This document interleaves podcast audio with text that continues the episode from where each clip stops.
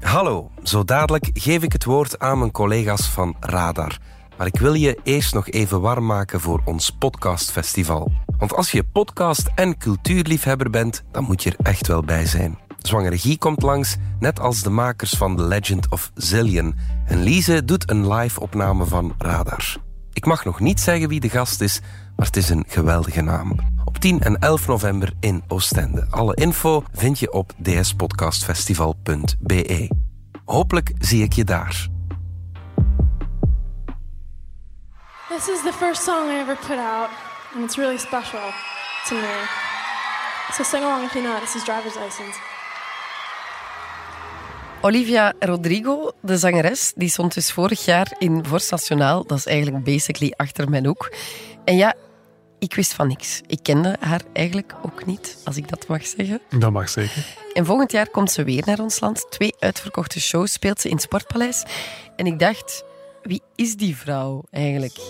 Nick Deleu, onze muziekjournalist. Jij was daarbij hè, in Vorst Nationaal tussen al die cheerende meisjes. Ja, ik was wel mijn paarse t-shirt vergeten, dus ik uh, viel een beetje uit de toon. Ai, zijn minpunten hè, als fan. Ja, maar ik heb wel meegezongen. Ah, voilà, kijk. Toch punten gescoord. Nick Deleu, tof dat je er bent. En welkom bij Radar.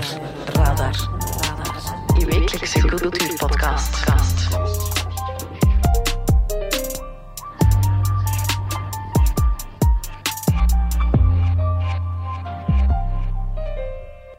We gaan het hebben over Olivia Rodrigo. Op het eerste gezicht lijkt ze een beetje ja, de girl next door.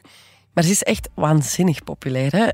Hoe komt dat? Ja, Olivia Rodrigo uh, specialiseert zich een beetje in zowat de meest intense doelgroep die er is in de muziekindustrie. En dat is vooral jonge vrouwen. Ja. Uh, zijn, sinds jaar en dag uh, zit daar eh, een heel groot deel van de consumentenmarkt bij Ja. popmuziek. Um, en hoe dat ze die eigenlijk inpalmt is ja, voor een heel groot deel door zelf een jonge vrouw te zijn. En door te zingen over wat haar bezighoudt en, en door waar ze van wakker ligt. Ja, daar moet ze weinig moeite voor doen Moet natuurlijk. ze hè. weinig moeite voor doen, inderdaad. Ze is zelf maar 20 jaar, maar dat vertaalt zich dan op haar, op haar twee albums tot dusver. Voornamelijk in, in liedjes over ja, liefdesverdriet ehm, of eh, keuzes maken op liefdesvlak bijvoorbeeld. Ehm, en ja, die twee dingen bij elkaar. eh, Liefde blijft ook nog altijd het eh, best verkopende thema in de popmuziek. Nog Eh, altijd. Het is een evergreen. Dus dat zorgt er wel voor dat je snel een heel groot publiek bereikt, denk ik. Harten blijven gebroken worden, helaas. In 2021 was haar debuutalbum Sour wereldwijd het meest beluisterde album op Spotify. En dan weet je het eigenlijk wel. Alleen is het heel erg snel gegaan en een beetje onverwacht. Net omdat haar grote doorbraak er gekomen is tijdens de coronacrisis. Bovendien was het ook een periode waar veel artiesten op dat moment nog wel wat, wat achter de hand hielden. Niemand wou toen echt een debuutalbum of platen uitbrengen. Uh, omdat ze dachten, ja, momenteel kan ik er toch niks mee gaan doen. Niet op tournee of niet op promotievlak. Dus er was wel enig uh, machtsvacuum, om het zo te zeggen. Ja. Um, dat heeft wel geholpen aan die grote opmars. Uh, maar dus nu behoort ze inderdaad wel tot het, uh, tot het rijtje van de grote. Um, voor mij, uh, ze doet mij ook wel heel hard denken aan Avril Lavigne eigenlijk. Chill out, what she yelling for? Lay back, it's all been done before. And if you could only let it be, you would see. Het is echt zo'n throwback naar ikzelf als tiener die met een gebroken hart, helaas, keihard aan het meebrullen was. Ja, dat klopt. Dat is een, dat is een geluid dat ze, dat ze zeker naar uh, refereert. Het is niet eens zo verholen, want ik heb ze een jaar geleden gezien in Vorst Nationaal, waar ze kwam optreden. En toen speelden ze ook Complicated van Avril Lavigne als cover. Ah. Dus um, ik denk niet dat ze die, die invloed onder stoelen of banken steekt.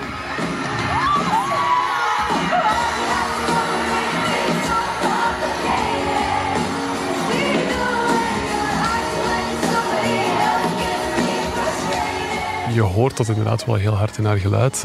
Poppunk geluid dat al op haar debuutalbum Sour uh, stond. En dat ze nu op haar tweede plaat Guts ook heel erg laat horen. Ja, dat concert in Vorst Nationaal, je hebt dat concert toen vier sterren gegeven. Dat is best wel gul. Ja, dat was echt wel een belevenis hoor, toen in Vorst Nationaal. Doorgaans denk ik van, is dit een concert waar, waar ik uh, straks thuis kom en daar aan mensen over wil vertellen. En uh, kon zo'n 8000 mensen binnen. En uh, ik heb die avond hen veel meer gehoord dan Olivia Rodrigo. En het lag er niet aan dat zij stil zong toen. Er werd gewoon de hele tijd overstemd door ja, 8000 jonge mensen die de hele tijd al die nummers ongelooflijk luid aan het meekrijsen waren.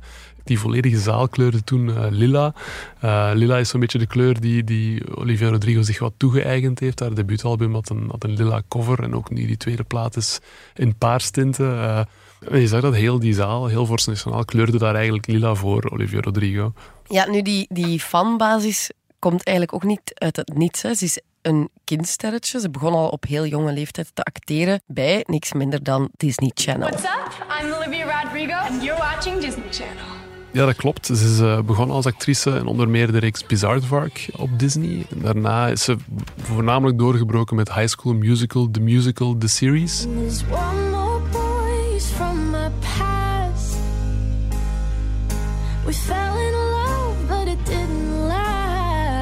En dan heeft ze haar eerste single uitgebracht, die Driver's License heette. Daarvan werd dan al snel vermoed dat het zou gaan over de jongen die volgens het liedje haar hart gebroken heeft. Zou haar tegenspeler zijn in High School Musical, The Musical, The Series.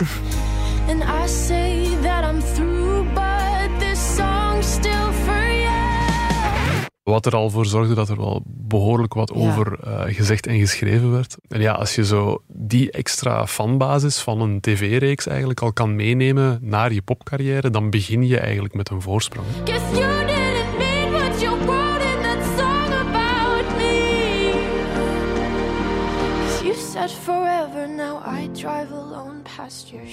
Voor veel Disneysterren is het ook wel lastig om dan daarna uit dat keurslijf van Disney te geraken. Hè?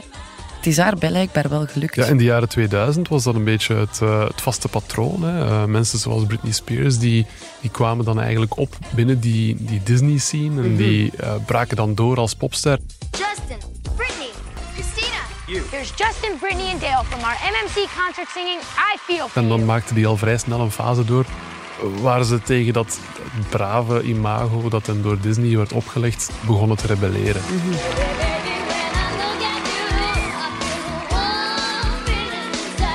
Nu, ik denk dat dat niet alleen aan de persoonlijkheid van Olivia Rodrigo ligt. Het hele klimaat ja, rond Hollywood en de muziekindustrie is ook wel veranderd. Ik denk dat eh, het aantal platenbazen die zich nog kunnen permitteren om zo'n houtgreep uit te voeren op jonge artiesten, zoals dat in de tijd gebeurde met mensen zoals Britney Spears, dat mensen zich dat nu ook moeilijker nog kunnen veroorloven. En ook dat jonge acteurs en actrices zoals Olivia Rodrigo dat misschien ook minder zouden pikken. Ja. Ehm, dat merk je dan ook wel bij die, ja, die eerste nummers die ze dan uitbracht. In Driver's License zat al meteen een fuck. En dat blijft nog altijd een, eh, een gevoelig onderwerp in de Anglo-Saxische wereld. Ja, daar wordt nog altijd over gestruikeld. Die bliepjes in al die eh, films en series, die zitten daar natuurlijk niet voor niets. Ja. En op haar eh, debuutplaat Sour laat ze zich ook wel van haar lelijkste kant zien. Hè? Ja, dat vond ik daar wel behoorlijk charmant aan eigenlijk toen die, toen die plaat uitkwam. Ik had het nog niet zo, zo vaak gehoord. Het is een album waarop ze zich echt van haar, van haar kleinste kantjes laat zien. Van ongebreideld, jaloers en bijna onredelijk zelfs. Ja, en zonder Eh, schijnen. en zonder gêne ook. Eh, Driver's License, dat nummer, dat- ze zingt daar zeer dramatisch over. Eh, de man die haar het grootste onrecht ooit aangedaan heeft. namelijk, hij had forever gezegd en, en, en het was blijkbaar toch niet waar. You said forever, now I drive alone past your street. Forever duurde maar twee maanden. Ja, ze had nog maar pas haar rijbewijs gehaald eh, om haar in te geven van welke leeftijdscategorie het ze toen zat. Maar Maar dat anderzijds, weet je dan niet. We zijn allemaal die leeftijd geweest. En je weet, daar voelt een forever echt als forever. Je kan dat onderscheid nog niet maken. En dat is denk ik wat er, wat er mij ook toen zo aan, zo aan charmeerde aan die plaat. Is dus hoe eerlijk ze daar ook in was. Over een andere ex van haar zei ze dan van ja, je hebt mij misschien niet bedrogen, maar je bent toch nog altijd een verrader. Eh, ze zocht echt bijna naar een reden om echt kwaad te kunnen zijn. Er zat een soort van frustratie in. Van, had je mij nu maar bedrogen, dan kon ik tenminste echt heel erg kwaad zijn. En ja, ik snap die, die, die onredelijke woede, Ja. die snapte ik wel. En dat is ook een, een verhaal dat je nog niet zo heel erg vaak gehoord hebt. Zeker niet bij jonge vrouwelijke popsterren. I kinda wanna throw my phone across the room. Cause all I see are girls too good to be true. With paper white teeth and perfect bodies. Wish I didn't care. I know their beauty's not my like. But it feels like that weight is on my can't let it go. Dat is ook een thema dat ze eigenlijk nu aansnijdt op dat nieuwe album, eh, All American Bitch. Het openingsnummer van, van Guts gaat daar eigenlijk over. Hè. Dat van All American Girls, het ideaalbeeld eh, in Amerika, wordt verwacht dat ze altijd lief en vriendelijk en dankbaar zijn.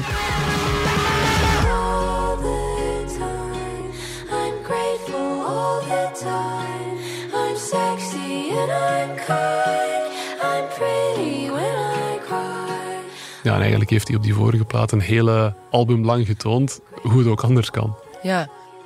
Maar is dat zo? Is dat nog nooit gebeurd? Als we het dan eh, hebben over Avril Lavigne bijvoorbeeld. Ja, er zijn uiteraard voorlopers van. Hè. En het zijn ook die voorlopers waar ze met haar, niet alleen met haar teksten, maar ook met haar geluid, expliciet naar verwijst. Ja. Ik denk aan, aan een nummer als, als Bitch van, van Meredith Brooks bijvoorbeeld. Er zijn zo'n aantal heel kwaaie songs geschreven door vrouwen, eh, zoals... ik zou eens moeten kijken in mijn iPod van eh, toen ik 15 was. I'm a bitch, I'm a lover, I'm a child, I'm a mother, I'm a sinner. Je gaat daar dan misschien Melissa Etheridge in zien staan met Like the Way I Do. Baby, tell me does Of eh, ik moet denken aan, aan een countryster als Carrie Underwood, die dan zingt over hoe de man die haar bedrogen heeft, hoe ze zijn banden gaat platsteken.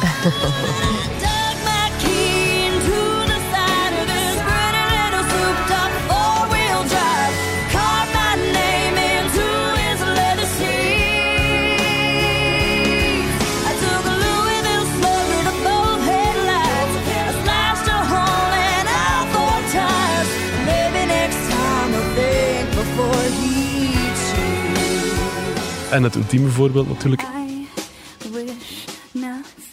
Alanis Morissette, die ook eh, behoorlijk kwaad geweest is op, op songs zoals You Oughta Know.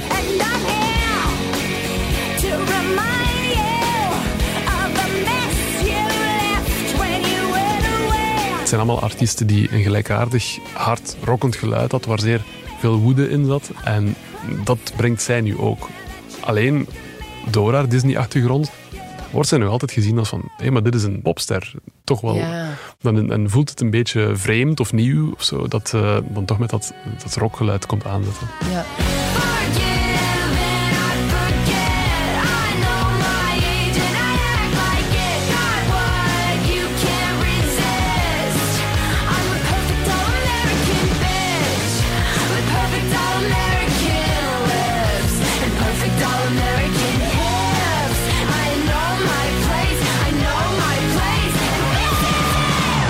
Alleen kwaadheid, hè. Haar lyrics zijn soms best wel grappig. Eh, in Get Him Back bijvoorbeeld, als ze zingt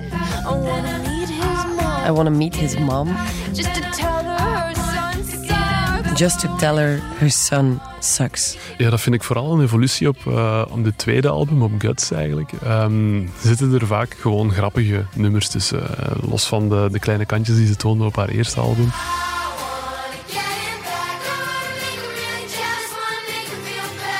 Get Him Back is daar een zeer goed voorbeeld van. Heeft ook zo'n heel vrolijk eh, cheerleader-refreintje eigenlijk. Ja. Het is nog altijd een klein kantje, want ze zegt ja, ik wil hem eigenlijk alleen maar terug, zodat ik hem daarna nog meer pijn kan doen. Ja.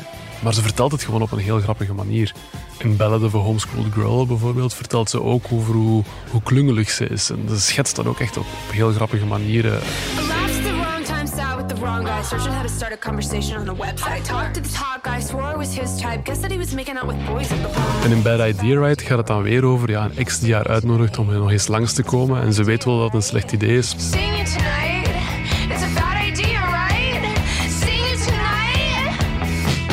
Fuck it, it's fine. Oei, ik ben gestruikeld en in zijn bed gevallen, zegt ze dan. Ja. Op zo'n heel ja, conversationele manier.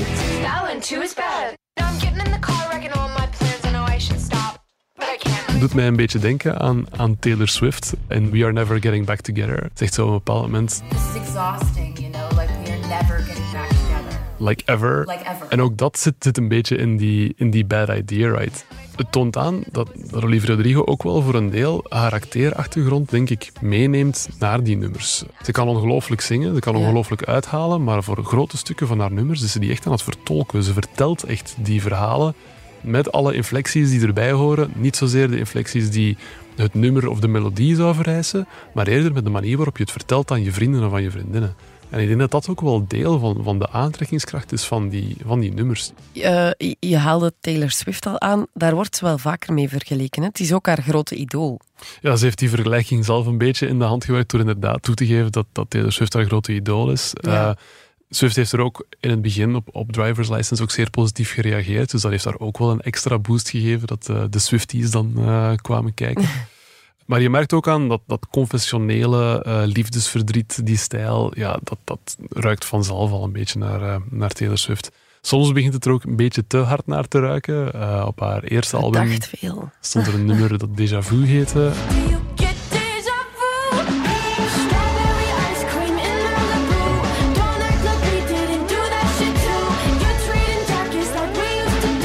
En dat deelde heel wat gelijkenissen met Cruel Summer van Taylor Swift. Ja.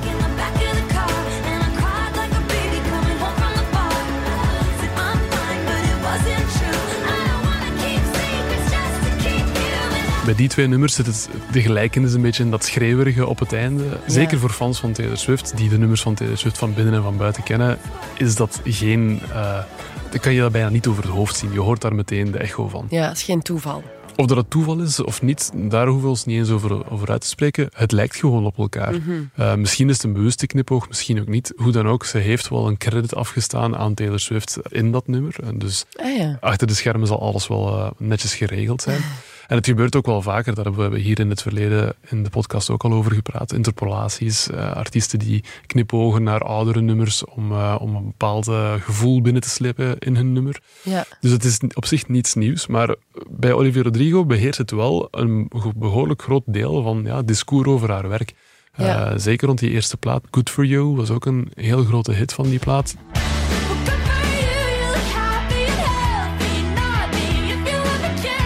Daar heeft ze ook een credit van moeten afstaan aan Paramore, omdat het nummer bepaalde gelijkenissen vertoonde met Misery Business. Mhm.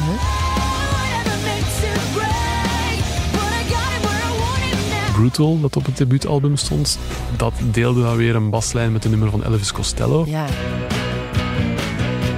En ook op dit nieuwe album, op Guts, hoor je bepaalde echo's heel erg nadrukkelijk. Maar het is wel een kritiek die ze vaak krijgt, hè? dat ze veel van anderen zou pikken.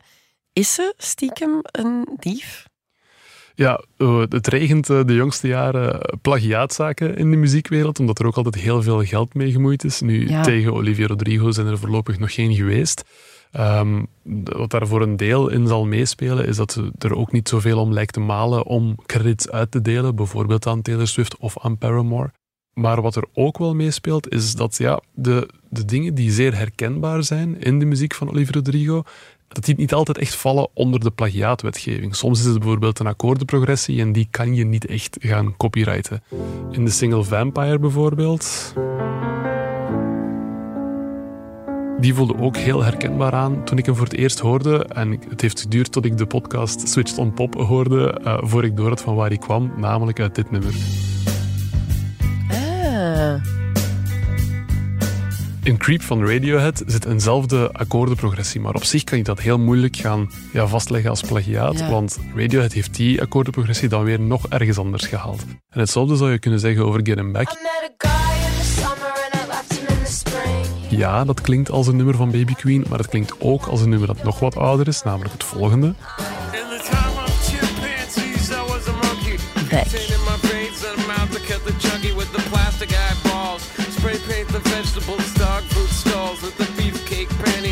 Ook daar hoor je die, ja, dat microfooneffect, uh, dat babbelende, die baslijn. Het komt allemaal wel een beetje terug. Maar dat is moeilijk om dat echt te gaan vastleggen als auteursrecht eigenlijk. Het lijkt er bij Olivia Rodrigo iets meer om te gaan om het mixen en matchen van bepaalde stijlen, van bepaalde kenmerken. En dat is iets dat zich ook al wel een tijdje aan het afspelen is in de muziekindustrie.